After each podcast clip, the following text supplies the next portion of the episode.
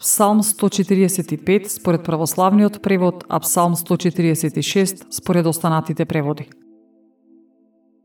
Фали го душо моја Господа. Ке го фалам Господ додека сум жив, ке му пејам на мојот Бог додека постојам. Не надевајте се во кнезовите и во синовите човечки, во нив нема спасение. Излегува духот негов и тој се враќа во земјата. Во тој ден исчезнуваат сите негови планови. Блажен е оној кој му е помошник Јакововиот Бог и чија надеж е во Господ неговиот Бог. Кој ги создаде небото и земјата, морето и се што е во нив. Кој вечно ја пази вистината, кој извршува правда за угнетените и им дава леп на гладните. Господ крши окови на затворени.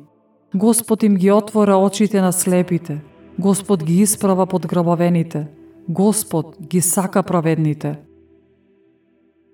Господ ги пази придојдените, ги поддржува сираците и вдовиците, а патот на нечестивите го разурнува. Господ ке царува вечно, Твојот Бог Сионе е од род во род.